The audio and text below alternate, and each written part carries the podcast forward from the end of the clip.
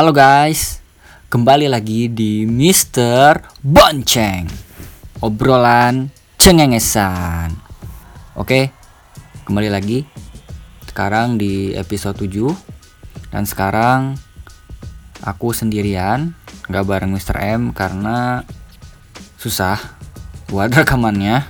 Ya little bit busy gitu, sibuk. Aduh sosokan sibuk. Tapi beneran kok uh, susah belum dapat waktunya mulu jadi untuk episode 7 ini aku mau rekaman sendiri aja.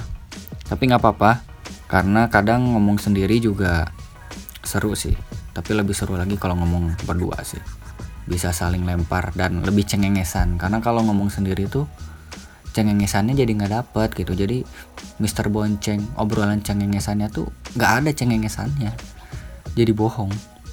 Tapi nggak apa-apa lah ya untuk kalian para tebengers yang udah mau dengerin terima kasih udah mau dengerin sampai episode ini sampai season 2 ini aku sangat terharu.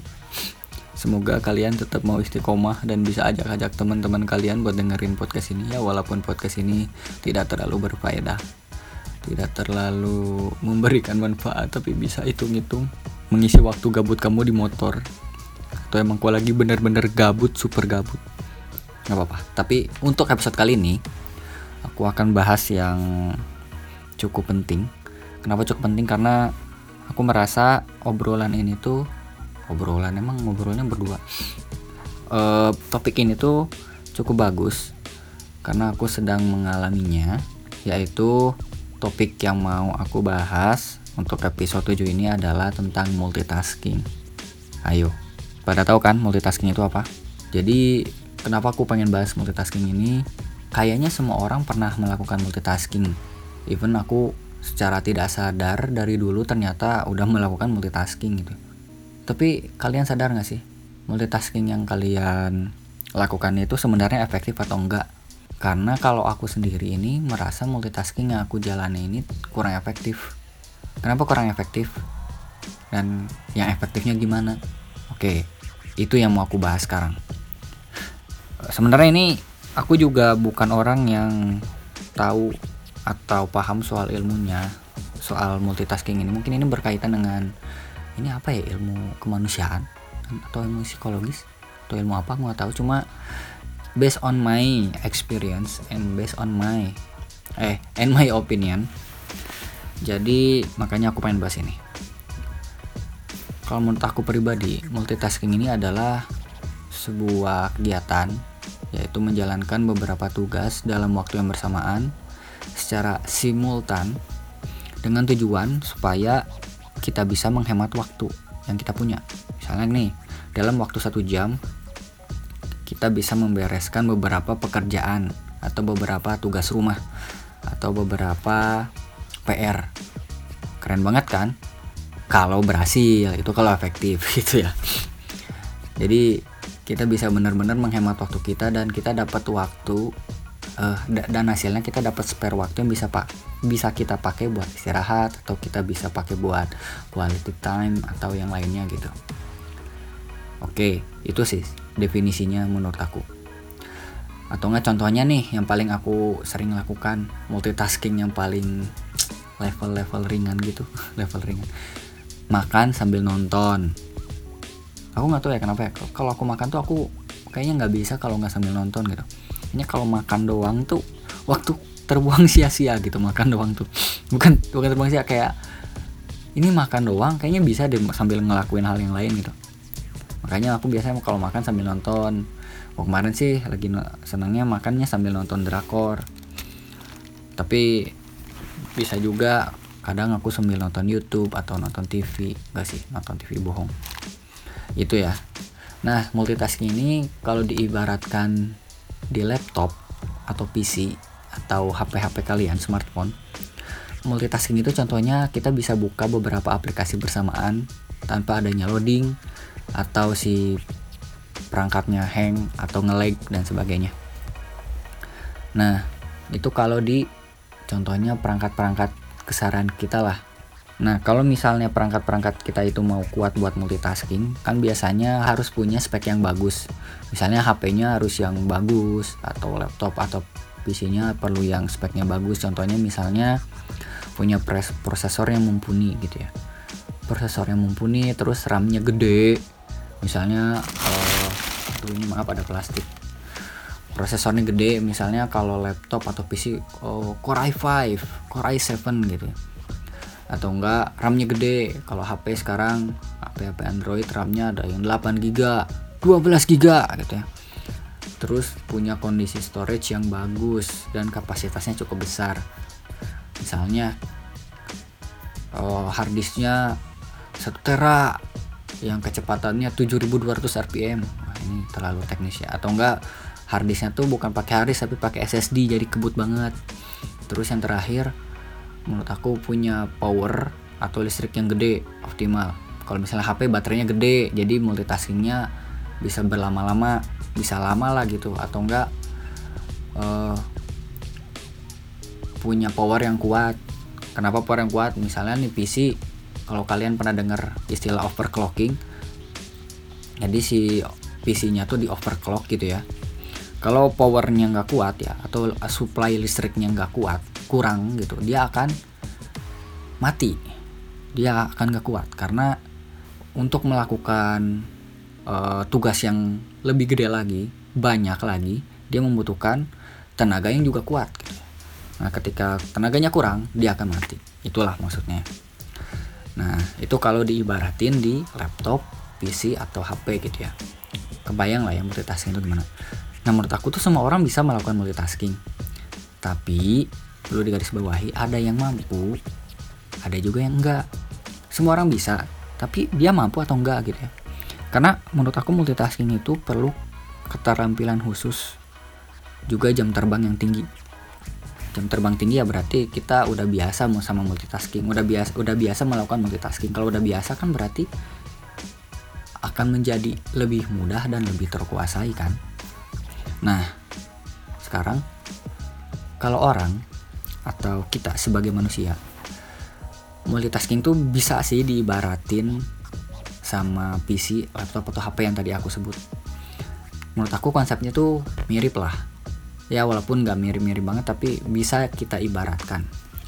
Contohnya nih misalnya yang tadi yang pertama prosesor yang mumpuni.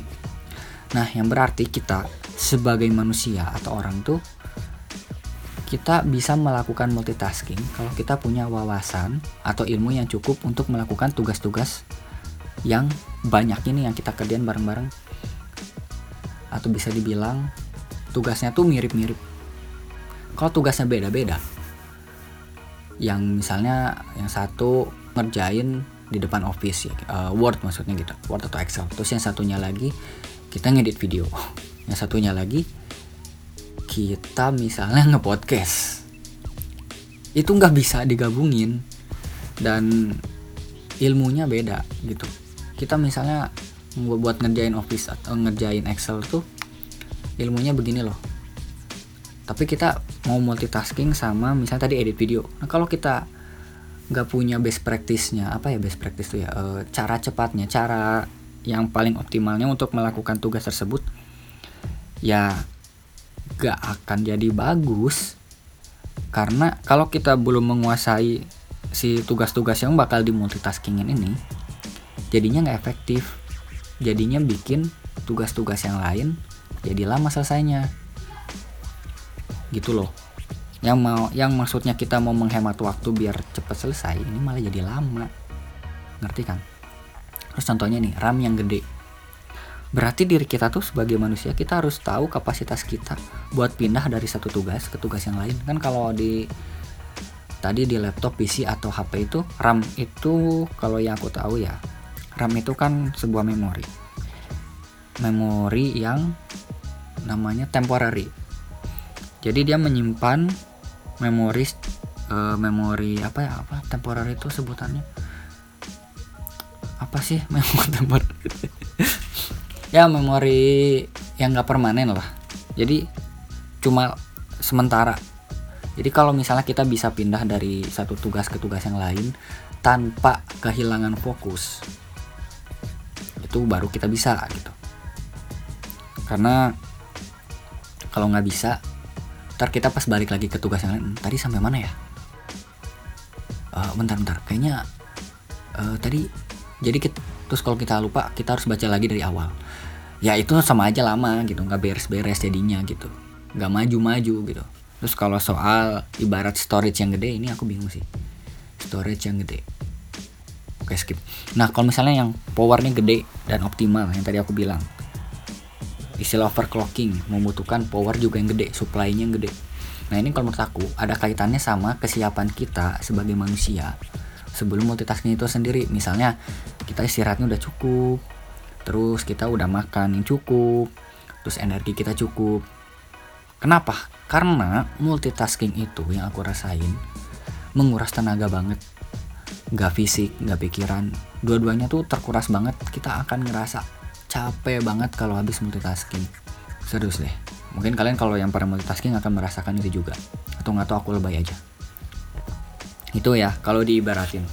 Nah menurut aku tuh multitasking sebenarnya nggak terlalu efektif kalau menurut aku buat aku ya. Karena dari pengalaman aku ya aku juga sebenarnya mungkin uh, cara aku bermultitasking kurang bagus juga. Multitasking itu bisa bikin produktivitas kerja kita menurun. Kenapa menurun?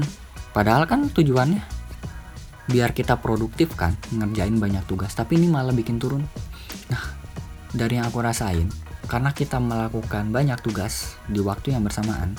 Yang tadi aku bilang RAM gede. Nah ini tuh bisa bikin fokus turun kalau RAM-nya nggak gede.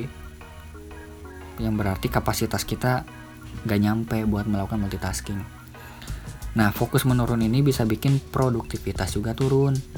Misalnya nih ketika kita melakukan multitasking otak kita secara tidak sadar akan bekerja lebih kuat untuk fokus dan berkonsentrasi supaya bisa nyelesain pekerjaan atau tugas-tugas itu dengan baik. Padahal, padahal ya, secara default hanya dapat fokus pada satu hal untuk satu waktu. Jadi otak kita tuh sebenarnya sudah disettingnya cuma bisa mengerjakan satu tugas doang dalam satu waktu. Nah tapi kita lah kita upayakan biar bisa beberapa tugas sekaligus. Yang tadi aku bilang berarti otak kita tuh di overclock. Kita membutuhkan power tenaga lebih RAM yang gede. Nah, ketika otak udah mulai lelah bekerja, konsentrasi dan kemampuan buat fokus kita ketika ngerjain pekerjaan itu akan menurun atau terganggu. Nah ini yang bisa bikin jadi kualitas pekerjaan kita jadi berkurang. Yang harusnya kalau misalnya ngerjain dokumen nih, jadi ada typonya. Atau misalnya kurang fokus kan, kita harusnya ada halaman kesimpulan, tapi kita langsung ke saran. Jadi kayak ada aja yang kurang gitu, kualitasnya tuh kurang gitu. Nggak maksimal gitu. Yang paling parah itu ya kalau kita nggak mempersiapkan dengan matang si multitasking ini efeknya akan kembali lagi ke kita yaitu kita bisa menjadi depresi dan diikuti dengan kesehatan kita yang menurun which is sakit lah. Itu tandanya kita udah overload atau kita memang nggak bisa multitasking pada tugas-tugas kita yang kerjain dulu. Jadi oke okay, sebenarnya kita bisa multitasking tapi bukan pekerjaan-pekerjaan itu loh. Pekerjaan-pekerjaan yang kita coba buat di multitasking ini tuh ternyata kita nggak mampu. Kapasitas kita nggak nyampe gitu. Nah itu perlu diperhatiin sih. Itu kenapa aku bilang multitasking nggak efektif karena hal-hal tersebut fokus menurun karena otak kitanya udah capek. Kitanya nggak kuat kita kapasitas kita ternyata nggak mampu. Tapi maksudnya dan tadi aku bilang di awal jam terbang. Kalau kita udah sering multitasking sih kita tahu kapasitas kita sampai di mana gitu. Kalau jam terbangnya tinggi udah sering multitasking ya kita tahu gitu. Berarti kita harus sampai mana dan jangan yang mana dan harus gimana. Itu maksudnya. Terus multitasking ini nggak efektif karena menurunkan produktivitas bekerja. Terus ada depresi juga kan tadi ada bikin sakit. Nah depresi ini akan bikin stres karena jadinya tugas-tugas yang kita kerjain gak beres malah jadi stres sendiri. Terus ini aku dapat sumber juga. Ada penelitian yang menyatakan bahwa multitasking dapat berpengaruh pada kinerja jantung dan tekanan darah. Ketika melakukan multitasking, tubuh akan bekerja ekstra dan mengeluarkan lebih banyak hormon stres. Hal ini dapat memicu peningkatan tekanan darah, detak jantung, dan rasa cemas. Ini aku ngerasain banget sih.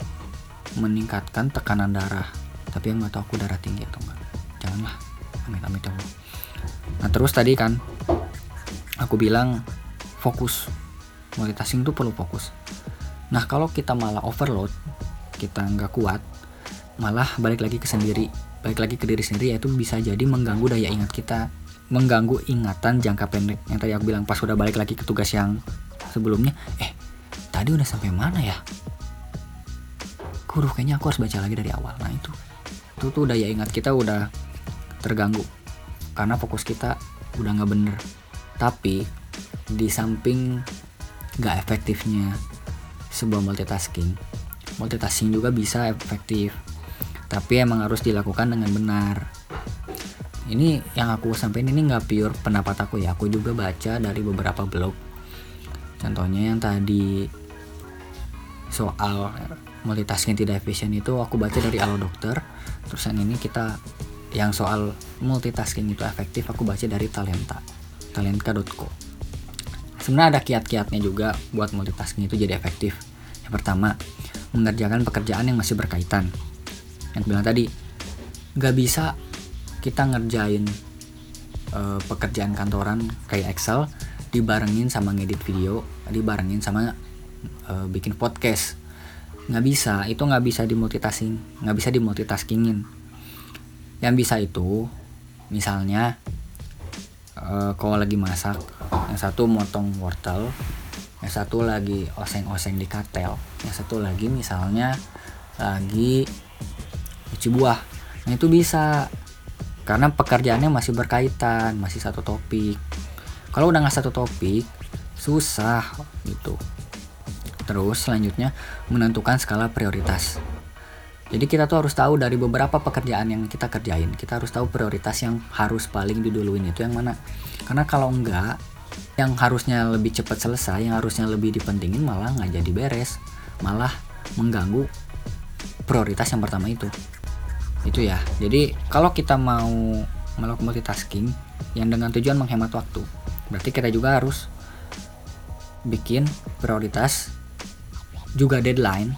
Karena kalau nggak ada deadline yang tadinya mau menghemat waktu satu jam karena nggak ada deadline ya bisa jadi molor berjam-jam.